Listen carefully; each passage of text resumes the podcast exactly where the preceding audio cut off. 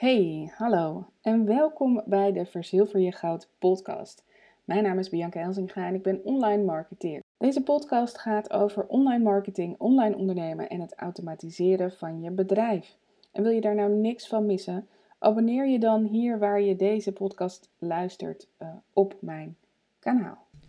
En in deze aflevering wil ik het graag met je hebben over jou als expert. Jij bent natuurlijk een expert en jij vindt ook dat je een expert bent, maar vindt Google dat ook? Het is heel erg belangrijk om jouw website zo goed mogelijk in te richten, zodat Google ook vindt dat jij een expert bent. Ik heb recent een training gegeven over hoe je een subject matter expert wordt. Nou, vrij vertaald in het Nederlands, is hoe je dus een vakspecialist wordt voor Google. Het is niet makkelijk, maar het is wel goed om te kijken hoe je jouw website kunt inrichten zodat je deze vakexpert wordt. Want het is natuurlijk heel erg goed om op social media te storytellen, om ervoor te zorgen dat mensen in je funnel komen, om ervoor te zorgen dat mensen zich uh, uh, uh, aan je binden, en jij ze blijft boeien. Allemaal hele belangrijke dingen. En ik denk dat je daar ook al best wel goed mee bezig bent. Maar het is net zo belangrijk dat als iemand gaat zoeken in Google naar jouw uh, specialisme, dat jij dan ook daadwerkelijk bovenaan komt te staan. Nu denk je dat deze podcast gaat over SEO. En dat klopt ook. Maar niet zoals we dat in de afgelopen uh, jaren hebben gedaan. Um, SEO is heel erg veranderd en Google is heel erg veranderd. En dat weten we ergens wel allemaal, maar we weten niet precies hoe. En in deze podcast wil ik je graag vertellen hoe dat zit. Ik ben geen SEO-specialist, maar ik ben wel een allround online marketeer, dus ik weet daar wel iets over te vertellen. Uh, vooral op het gebied van content. En um, nou ja, wat ik uh, uh, graag in deze podcast aan je wil meegeven, is hoe jij vanaf nu en dat hoeft niet met terugwerkende kracht, maar vanaf nu jouw site zodanig kunt gaan inrichten dat, um, ja, dat je ook uh, de zoekmachine laat weten dat jij verstand hebt van een onderwerp. Al sinds ik uh, begonnen ben met uh, adviseren over online marketing als ondernemer, um, vertel ik ondernemers om je te beperken tot een aantal onderwerpen voor je blog. Ik noem dat content containers. En die content containers die blijken nu heel erg goed van toepassing te zijn in de nieuwe SEO-structuur. En ik ga je uitleggen hoe dat zit. Ik heb altijd gezegd: gebruik content containers. Dit zijn hoofdonderwerpen binnen jouw vakgebied. Als ik even naar mezelf kijk, ik ben dus online marketeer met een specialisme op sales funnels. Dan zou ik kunnen schrijven over sales funnels, over website en hoe je je site inricht, over um, nou, social media en over bijvoorbeeld webinars. Als ik daar inderdaad ook echt interesse in heb en echt goede dingen over kan vertellen. Dus dat zijn vier hoofdonderwerpen. Ik noem dat content containers. Waarom? Omdat je daar binnen helemaal los kunt gaan met allerlei verschillende subonderwerpen. Dit maakt jouw leven enorm makkelijk omdat je maar over vier onderwerpen hoeft te schrijven. Alleen binnen die onderwerpen kun je natuurlijk alle kanten van dat onderwerp belichten op allerlei verschillende manieren, uh, met allerlei verschillende haakjes, uh, vanuit verschillende invalshoeken, vanuit verschillende doelgroepen. Nou, weet je, ga helemaal los. Dat mag gewoon. Maar je blijft bij die vier onderwerpen. Google heeft dat ook ontdekt. Ja, niet door mij natuurlijk, hè, dat zou wat zijn. maar die heeft dat ook ontdekt. Die heeft ontdekt dat als je een expert bent ergens op een bepaald vakgebied, dat je daar ook subonderwerpen van uh, ja, uh, kunt belichten. En dat als je dat goed structureert, dat dan ook lezers dat goed kunnen begrijpen en ook daar goed in kunnen navigeren. Dus je hebt die content containers en je hebt je hoofdonderwerp. Dus voor mij zou dat zijn sales funnels. Dat is mijn hoofdonderwerp. En daarbinnen of daaronder eigenlijk of daarnaast, dat maakt eigenlijk helemaal niet uit. Als je het maar goed structureert, heb ik nog andere onderwerpen waar ik het ook graag over wil hebben. Die, als het goed is, gerelateerd zijn aan mijn hoofdonderwerp. Als ik over mijn hoofdonderwerp schrijf, dan schrijf ik daar goede lange stukken over. dat zijn stukken, ehm, blogs of misschien eh, komt dat zelfs op een soort van landingspagina te staan. Ehm, dat zijn stukken van 3000 woorden minimaal. Dat zijn ongeveer 8 A4'tjes over het onderwerp die echt gewoon goed in elkaar zit. Dus dat gaat echt over wat is het onderwerp, voor wie is het, um, wat kun je ermee, wat zijn de resultaten. Um, nou, weet je, echt heel een, alsof je een soort artikel voor de krant schrijft, zeg maar. Gewoon een heel lang onderwerp, heel erg goed uitgedacht met, met bronnen en dat soort dingen. En jouw mening erin en dat soort zaken. Het is niet zozeer de bedoeling van dat stuk om um, daar sales mee te halen, om daar een call to action op te zetten. Het mag wel, maar het is niet het hoofddoel van dat stuk. Het hoofddoel van dat stuk is dat jij gezien wordt als expert. En dat dit stuk heel erg goed gaat ranken in de zoekmachines. Hoewel het zo is dat we niet meer op keywords moeten schrijven, adviseer ik je toch om dat er wel in te stoppen. Dus om 1 à 2 keywords te gebruiken. Dus voor mij zou dat sales funnel zijn en funnel. Um, om daarop te ranken. En dan in zo'n stuk van 3000 woorden zou je dat ongeveer 30 tot 60 keer kunnen vermelden. Ik weet dat er mensen zijn die luisteren die zeggen: wat een onzin. Prima. Maar ik heb gezien dat dit nog steeds werkt. Ehm, dat is dan zeg maar een signature post, een signature artikel wat je schrijft over jouw vakgebied en hoe jij daarin staat, wat jij kunt betekenen voor anderen en uh, hoe jij uh, nou ja, de wereld een beetje mooier maakt daarmee. De andere onderwerpen krijgen ook zo'n soort artikel, hoofdpagina noem ik het dan maar, van het subonderwerp, maar dan minder uitgebreid. Dus niet 3000 woorden, maar je schrijft iets van 1500 woorden over. En uh, de keywords zijn anders dan van je hoofdonderwerp dan heb je een soort hoofdpagina. En dat die hoofdpagina die zorgt ervoor dat je alle andere pagina's weer gaat linken aan die pagina. En het klinkt heel ingewikkeld. Ik snap dat je het niet helemaal zo voor je kan zien. Geeft ook niks. Ga naar mijn website. Dan heb ik daar een blog over geschreven. Als je dus nieuwe blogs schrijft over je subonderwerp, dan link je altijd één woord terug. En dat woord is dan ook hetzelfde woord van het subonderwerp. Dus voor mij zou dat zijn webinars. Dan link ik ergens in de tekst het woordje webinars terug naar de hoofdpagina van dat subonderwerp.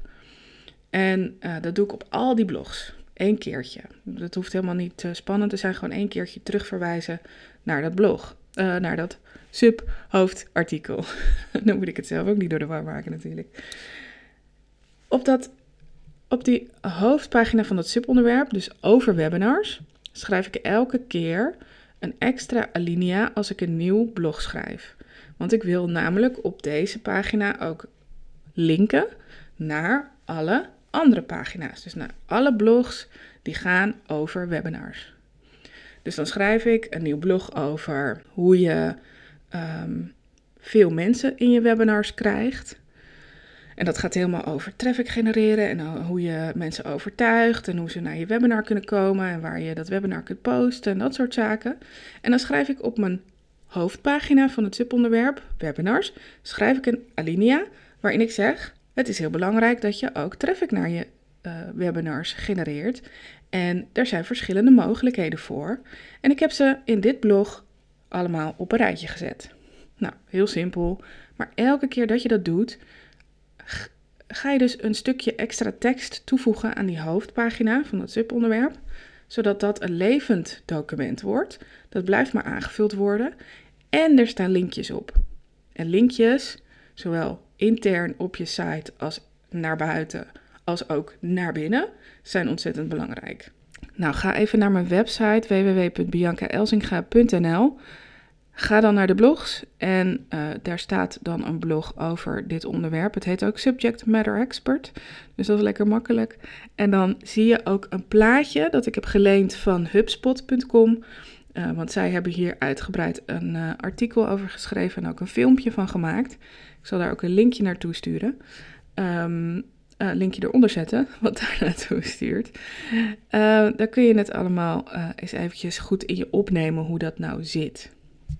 Nou, waarom besteed ik hier zoveel tekst aan, zeg maar, in, dit, in deze podcast? Omdat dit een heel interessant model is om jouw site mee in te richten.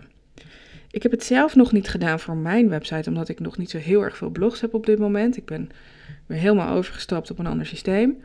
Maar dit is wel wat ik ook ga doen. En uh, juist om um, gezien te worden als vakspecialist op mijn vakgebied. En dat is wat ik wil. Ik wil heel graag dat ik gezien word als vakspecialist. Nou, er zijn nog meer mogelijkheden um, om dat te realiseren. Niet alleen maar je eigen content structureren, maar ook bijvoorbeeld, um, zo kun je er zelf voor zorgen dat, maar dan moet je dus heel erg goed weten wat jouw persona zoekt via Google, um, dat je op positie 0 terechtkomt. En positie 0, je ziet het steeds vaker terug, is dat als jij een vraag typt in Google, dan krijg je meteen ergens een stukje antwoord al op de resultatenpagina. Dat is positie 0 en die kun je zelf instellen op jouw site. Nou, dat is een stukje code wat je moet toevoegen aan je website. Um, dat kun je weer vinden op schema.org. Dat schrijf je precies in het Nederlands. Schema.org. Daar zou je dat kunnen vinden. Nou, dat moet je dan maar even met je webdesigner overleggen.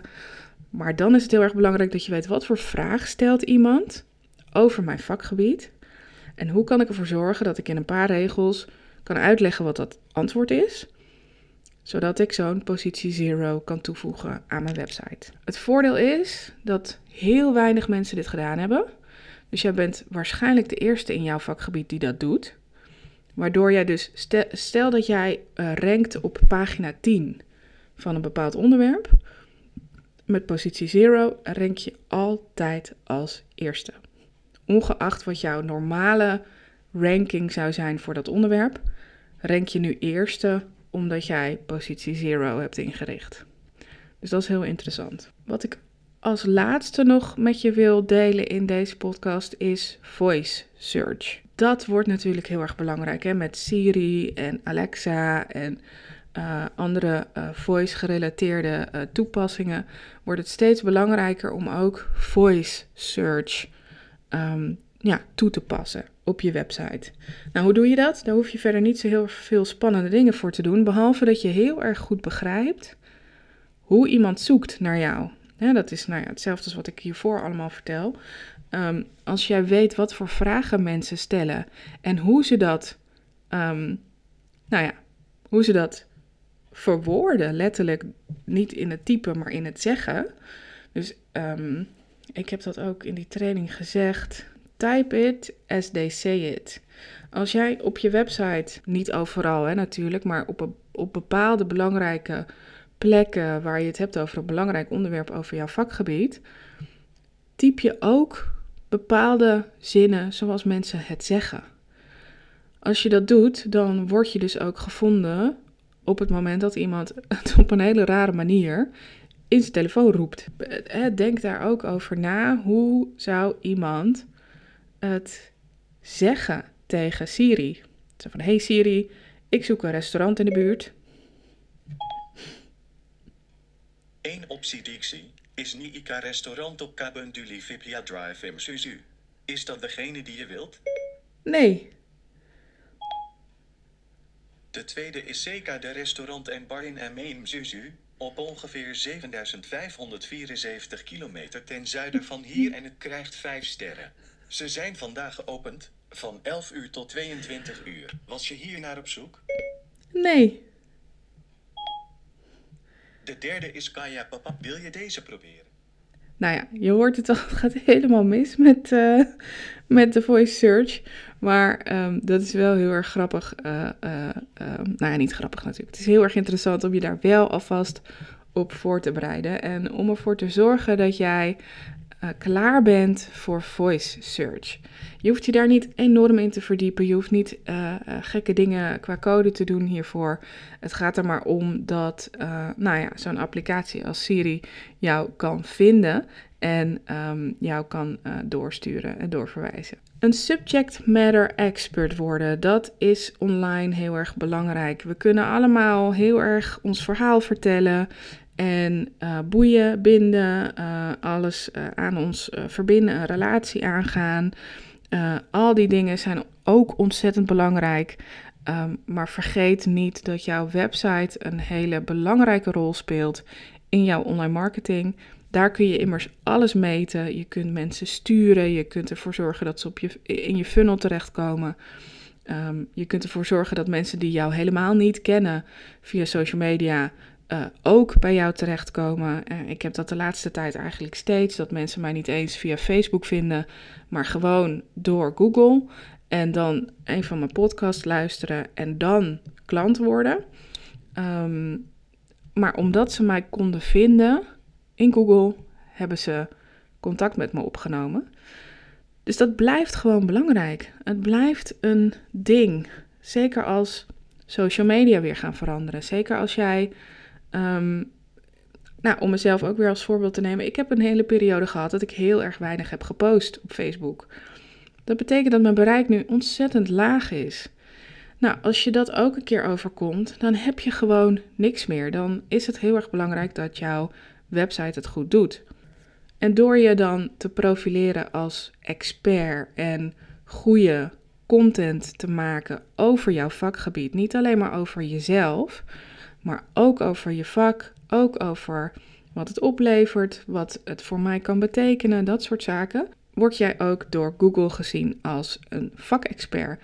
En ik denk dat dat wel het hoogste is wat je kunt bereiken en ook iets wat je zou willen bereiken, dat je vakexpert wordt, uh, dat je door Google als vakexpert wordt gezien. Nou, ga daar lekker mee aan de slag. Als je daar hulp bij nodig hebt, dan weet je me te vinden. Um, als je uh, dit een leuke podcast vond of een interessante podcast, deel hem dan ook gerust met jouw netwerk. Uh, dat zou ik heel erg waarderen. En dan wil ik je alleen nog maar vragen om abonnee te worden, zodat je al mijn podcasts in de toekomst ook voorgeschoteld krijgt. En uh, dat je, uh, als je daar zin in hebt, een review achterlaat, zodat ook ik word gezien als een subject matter expert. Dankjewel voor het luisteren en tot een volgende keer.